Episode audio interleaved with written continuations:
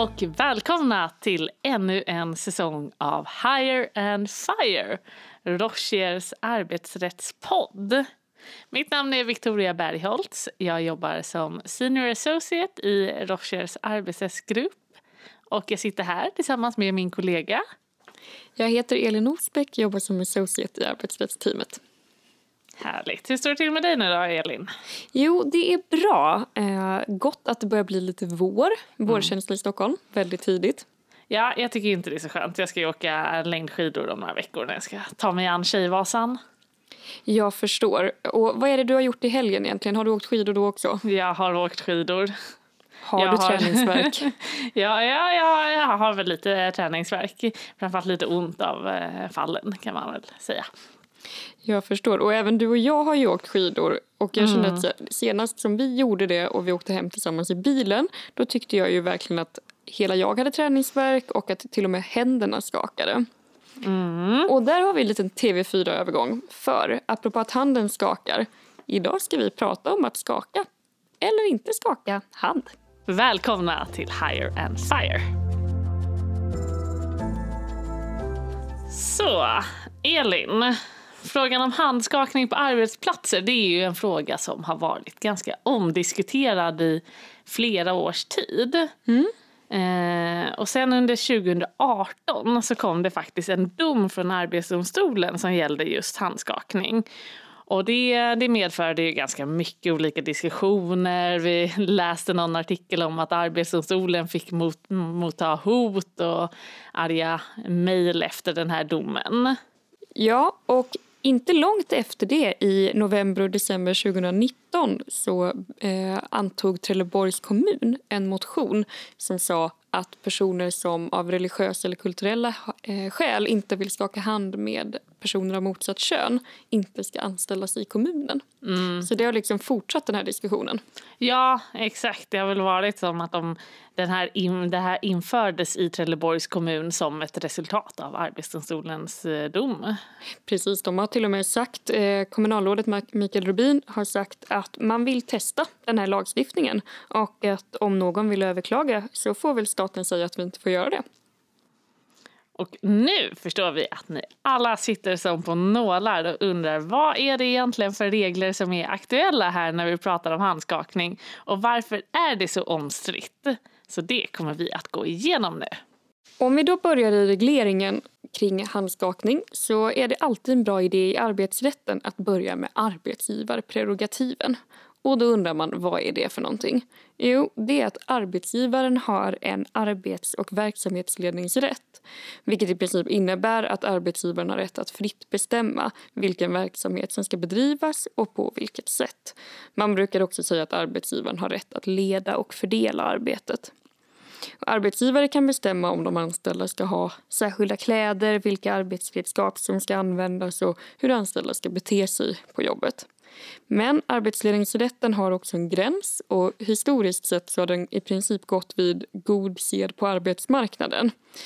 Men sen införandet av diskrimineringsförbuden så står det också klart att den fria arbetsledningsrätten inte får utövas på ett sätt som strider mot diskrimineringslagen. Och eh, av diskrimineringslagen framgår ju då att arbetsgivare inte får diskriminera arbetstagare eller arbetssökande, bland annat. Och här vet ju jag att du vill djupdyka, Victoria, för att kan arbetsgivare diskriminera på vilka grunder som helst? Vad är diskriminering? Är all olik behandling otillåten? Eh, Rocher förhindrad att diskriminera mig på grund av att jag är uppvuxen i Värmland eller har dansat ballett istället för fotboll. Nej, alltså ordet diskriminering används ju ganska ofta lite slarvigt. Man kan ju tänka sig att eh, om du inte skulle få jobb här på grund av att du har dansat ballett istället för att spela fotboll så skulle du kunna säga att ah, nu har jag blivit diskriminerad. Men det har du faktiskt inte i lagens mening. För diskriminering är enbart förbjudet om det beror på någon av de eh, sju diskrimineringsgrunder som finns angiven i diskrimineringslagen. Och de grunderna är kön, könsöverskridande identitet eller uttryck, etnisk tillhörighet, religion eller annan trosuppfattning, funktionsnedsättning, sexuell läggning eller ålder. Sen finns det viss speciallagstiftning som har förbud mot missgynnande på andra grunder som till exempel missgynnande på grund av föräldraledighet och missgynnande av deltids och visstidsanställda. Men det ska vi inte prata om idag, utan idag så pratar vi om diskriminering på grund av religion. Och begreppet diskriminering det innefattar ju både direkt diskriminering och indirekt diskriminering. Och även det är ju ganska tekniska begrepp men man kan säga att direkt diskriminering är explicit diskriminering direkt grundad på till exempel viss religionstillhörighet. Eh, om man då tänker på handskakning så skulle man kanske istället ha en policy som säger att muslimer får inte ta jobb vid vårt företag. Mm. Men, och diskriminer direkt diskriminering är väl kanske inte så där jättevanligt för att det vet väl de flesta arbetsgivare om att man kanske inte skriver ut att eh, muslimer får inte jobb här. Men däremot så kan det ju finnas en annan typ av diskriminering som nog kan vara lite svårare för arbetsgivare att egentligen veta om att det är diskriminering. Och vad är det? Ja, det är då indirekt diskriminering. Och det som är förbjudet då, det är att tillämpa ett kriterium eller en regel vid ett, till exempel ett rekryteringsförfarande som vid en första anblick kan uppfattas som neutral eller framstå som neutral men som i praktiken särskilt missgynnar individer som tillhör en viss religion. Och som Victoria sa, direkt diskriminering är alltid förbjuden och det vet nog arbetsgivare om vid det här laget. Får man eh, hoppas. Ja, men indirekt diskriminering är i undantagsfall tillåten. Och undantagsregeln säger då att indirekt diskriminering är tillåten då bestämmelsen eller förfaringssättet har ett berättigat syfte, de medel som används är lämpliga och nödvändiga för att uppnå syftet. Och det är där egentligen som domen befinner sig. Och vi kan ta ett exempel då för att illustrera den här undantagsregeln. Till exempel krav på en minsta längd. Det kan ju vara någonting som särskilt missgynnar kvinnor eftersom kvinnor generellt är kortare. Och då kan det faktiskt ibland i vissa yrken ändå finnas ett berättigat syfte. Det kan ju vara till exempel rekrytering av eh, kabinpersonal där det krävs för då, eh, av säkerhetsskäl helt enkelt att man har en viss längd. Medan i andra yrken så går det faktiskt att avhjälpa genom en pall eller liknande. Det fick ju Stefan Löfven i Agenda. Ja, och jag kan ju säga att jag har ju insett nu i efterhand sen jag blev arbetsrättsjurist att nej, jag eh, skulle inte ha fått sparken från skidshoppen i Spanien för att jag var för kort. De hade kunnat ge mig en stege. Så det var indirekt diskriminering, det kan man ju säga. Mm. Och då har vi kommit fram till Arbetsdomstolens dom som kom i augusti 2018. Och den rörde ett rekryteringsförfarande på ett bolag som tillhandahöll tolktjänster. Och en arbetssökande kvinna ville under intervjun inte skaka hand med den manliga intervjuaren som då avbröt rekryteringsförfarandet. Och de frågor som Arbetsdomstolen tog ställning till det var följande. Skyddas vägran att skaka hand med personer av motsatt kön av förbudet mot diskriminering på grund av religion? För det är ju inte helt givet. Det kan ju vara så att någonting som uppfattas vara kopplat till eh, religion inte nödvändigtvis är det mm. i diskrimineringslagen och Europakonventionens mening. Så det tog mm. de ställning till. Domstolen tog också ställning till om en policy att inte anställa individer som inte tar i hand med motsatta könet särskilt missgynnar personer av en viss religion. Och som vi nämnde innan så kräver undantagsregeln också att det finns ett berättigat syfte Bolagets policy syftade till lika behandling av män och kvinnor och en jämställd arbetsplats. Och I det här fallet var parterna överens om att det, det här, eh, att ha en jämställd arbetsplats och främja lika behandling av män och kvinnor att det är ett berättigat syfte. Och Det höll också AD med om, så det behövde de inte pröva. Men däremot prövade man om den här policyn var lämplig och nödvändig för att uppnå syftet. Den här lika behandling av män och kvinnor och en jämställd arbetsplats. Och den första frågan som du nämnde, Elin, det var ju om vägran att skaka hand med personer av motsatt kön skyddas av förbudet mot diskriminering på grund av religion. Och där kom domstolen fram till att ja, det gör det. Trots att det faktiskt endast är en liten minoritet muslimer som lever efter den här tolkningen att man inte ska ta personer av motsatt kön i hand. Och det byggde domstolen på att enligt Europadomstolens praxis då ska religionsfriheten omfatta alla trosuppfattningar som har uppnått en viss nivå av övertygelse, seriositet, koherens och betydelse. Och när en trosuppfattning har uppnått den nivån, då är det inte statens uppgift att sen ge sig in och värdera eller bedöma om det där är en korrekt och legitim religiös uppfattning.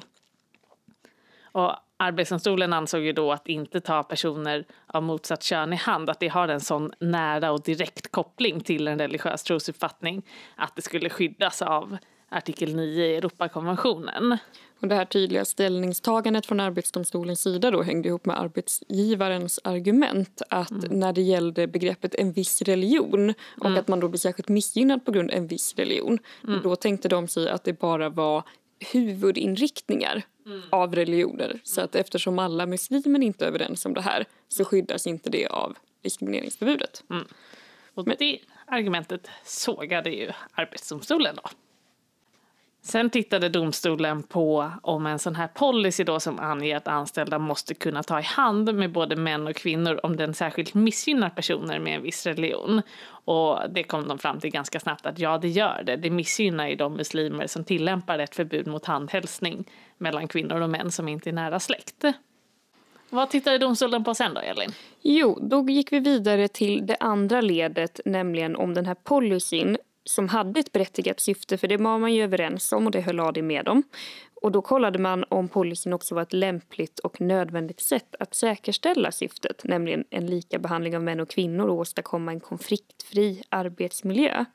Och vi tänkte djupdyka lite i frågan om den här policyn är lämplig och nödvändig och prata om de argument som arbetsgivarparten framför för varför den är lämplig och eh, nödvändig. Ja, det var ju här som det egentligen blev riktigt spännande i Arbetsdomstolens resonemang. Som ni kan ana så betyder det här att inte på alla arbetsplatser och i alla olika typer av verksamheter är det tillåtet eller otillåtet att inte anställa personer som inte tar i hand med personer av motsatt kön. Utan det beror på helt enkelt. Och nu ska vi prata om vad det beror på. Vilka argument lyfte arbetsgivaren och den arbetssökande och hur resonerade Arbetsdomstolen då? Ja, arbetsgivaren lyfte för det första att en vägran att hälsa på personer av motsatt kön eh, att det medför obehag för den som sträcker ut handen och inte får den besvarad.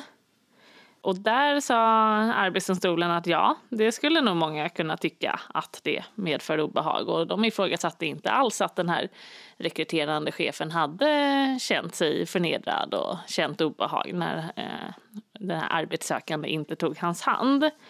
Den arbetssökande däremot, eh, hon menade ju att det det här att hon inte tog män i hand, det hade ju ingenting med nedvärderande eller avståndstagande från personer av motsatt kön att göra.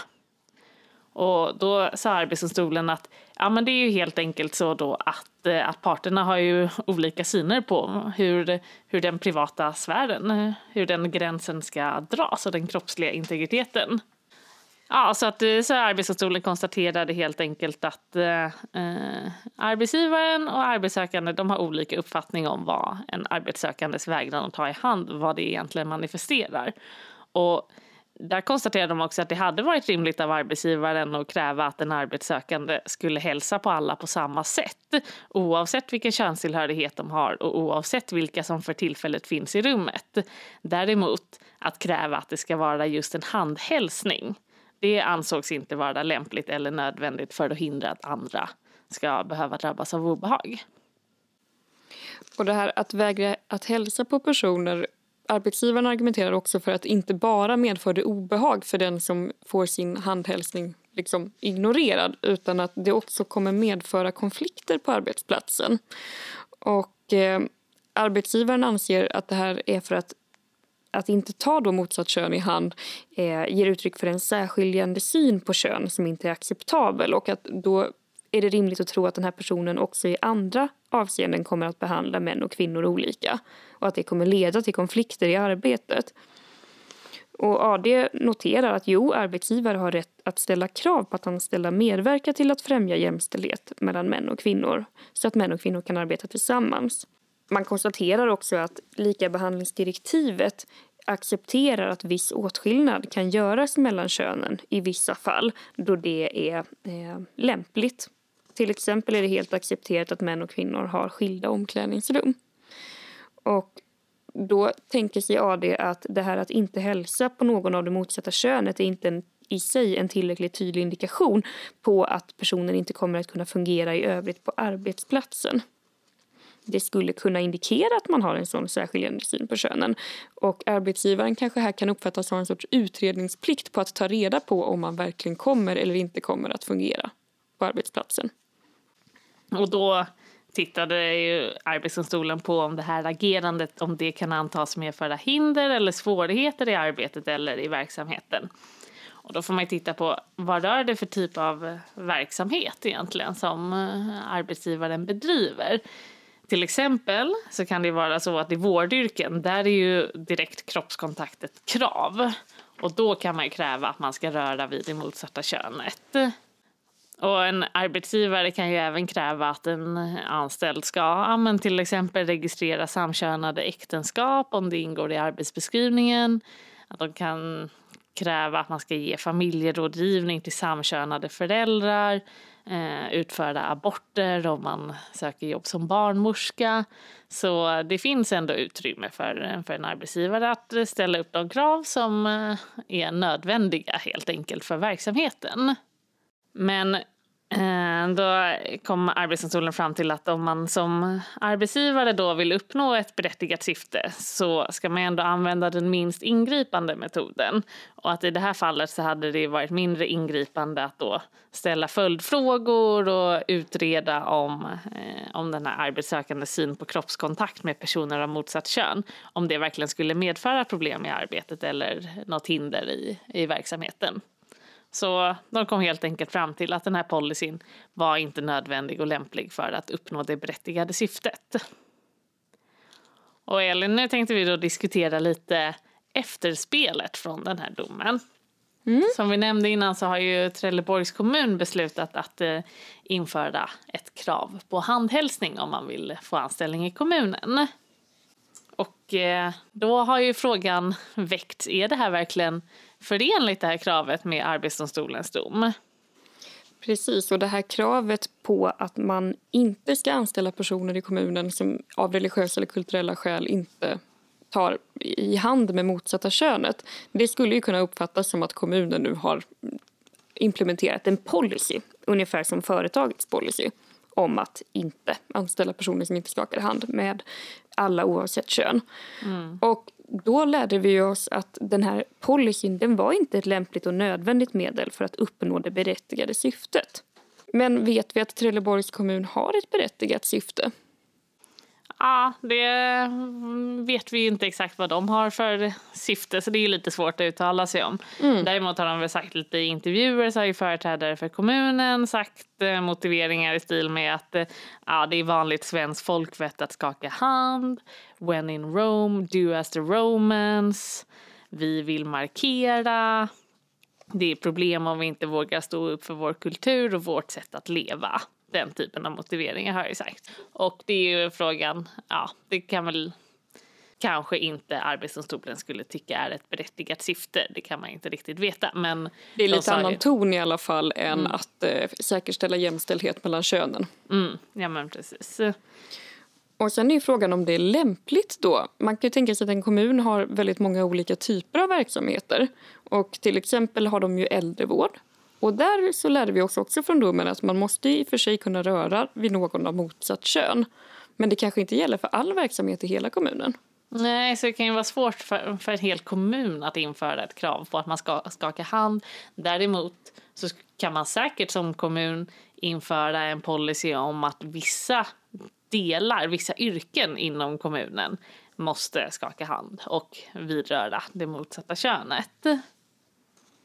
Så om, om, kommunen hade velat utforma en policy som hade varit mer i linje med det som Arbetsdomstolen kom fram till i sin dom från 2018 då hade de ju till exempel kunnat ha en policy som säger att de anställda i kommunen de måste hälsa på alla personer på samma sätt oavsett kön. Men däremot så bör nog inte policyn säga att hälsningen ska vara en handhälsning om inte det faktiskt är nödvändigt i tjänsten.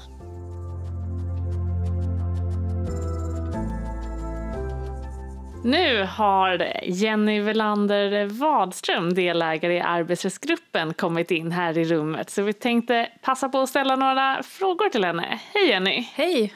Den här domen om handskakning som jag och Elin har diskuterat, det har ju funnits liknande fall i andra länder. Jag vet att du har läst om ett eh, sånt fall. Skulle du kunna berätta lite grann om det?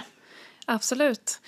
Och det är väldigt spännande tycker jag att bara två månader efter den svenska domen kom så kom det ett avgörande från norska diskrimineringsnämnden där, eh, som också handlar om handskakning. Mm. Men där kom man fram till eh, en annan slutsats än AD gjorde faktiskt. Ja, Okej, vad intressant. Vad, vad byggde det på, det resonemanget?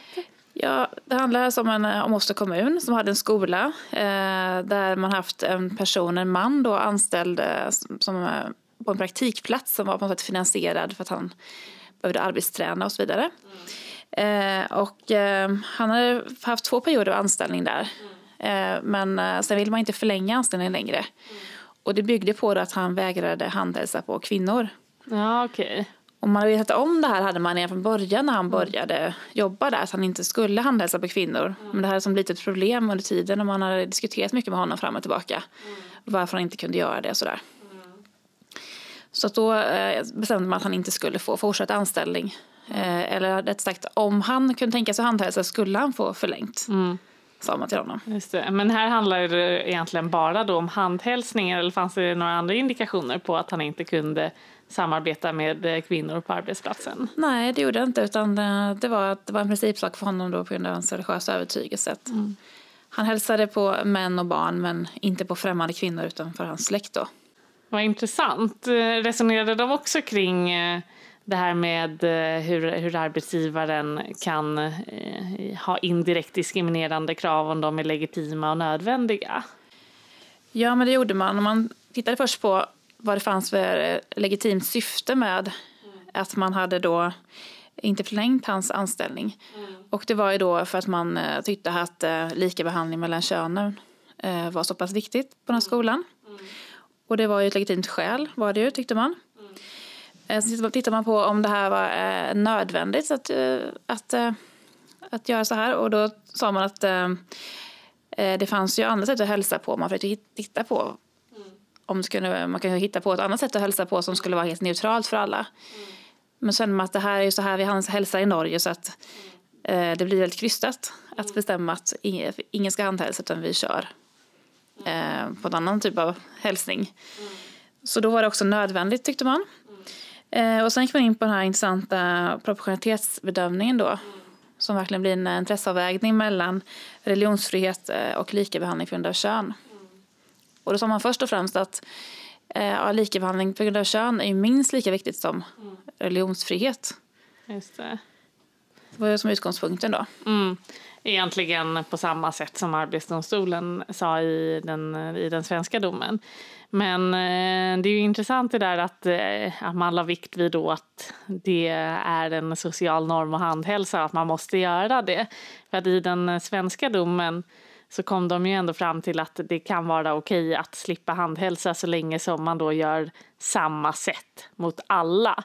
Man får inte välja att eh, bara ta kvinnor i hand men vägra ta män i hand. Att där kan ändå en arbetsgivare kräva att eh, man ska hälsa lika på alla. Mm. Men att det inte går att kräva att det ska vara just en handhälsning om mm. det inte är nödvändigt för jobbet. Men då låter det som att de kanske kom fram till lite annorlunda i det norska politiska målet? Ja. Eller var det så att det kanske var ett nödvändigt krav för det här jobbet att man tog folk i hand till skillnad från? I och med att det var normen på arbetsplatsen då när mm. personen mm. handhälsade bara på barn och eh, eh, män. Mm.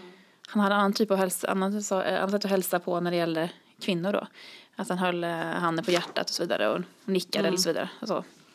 Just det.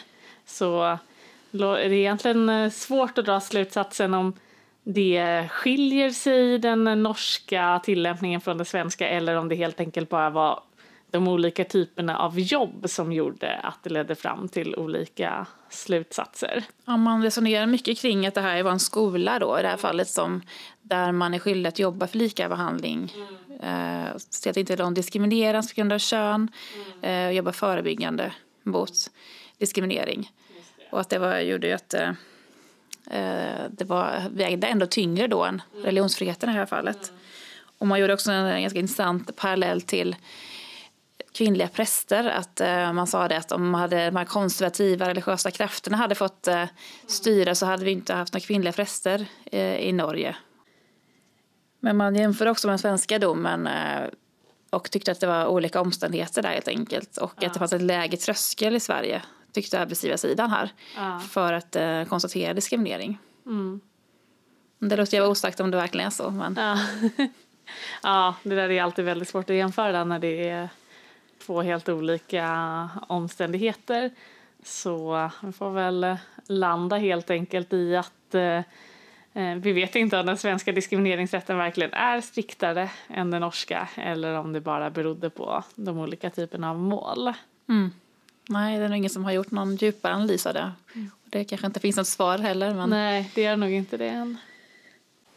Och Jenny och Victoria, vad tycker ni om man är arbetsgivare och har lyssnat på vår podd? Vad är det viktigaste att man tar med sig? Vad har vi lärt oss? Jag skulle säga att man som arbetsgivare, om man vill eh, uppställa något krav för eh, anställda, införa en policy om hur de ska bete sig, så bör man fundera på om det slår hårdare mot någon av de här sju skyddade kategorierna enligt diskrimineringslagen. Och om det skulle vara så att man kommer fram till att eh, den här policyn eller riktlinjerna gör det, då måste man fundera på vad har man för syfte att införa den här policyn? Har man något särskilt mål man vill uppnå? Och är det något mål som skulle kunna framstå som objektivt sett eh, berättigat? Och är den här policyn eller riktlinjerna verkligen det bästa sättet att uppnå det här målet eller kan det finnas något mindre ingripande sätt man kan göra? För om det finns något mindre ingripande sätt då ska man välja det istället annars så riskerar man att eh, det här blir en indirekt diskriminering. Men också det här med proportionaliteten då, att eh, intresseavvägningen måste göras. Det kan ju vara så att olika intressen står mot varandra som, som i det norska fallet och även det svenska. Mm. Jämställdhet eh, kontra religionsfrihet. Mm. Och då måste man också kunna motivera då varför i det här fallet är eh, det ena viktigare än det andra.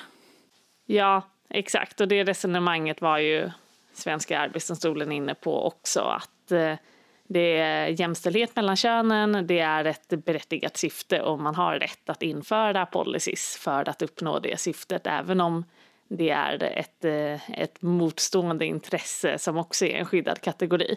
Men man måste fundera på, är det det minst ingripande sättet?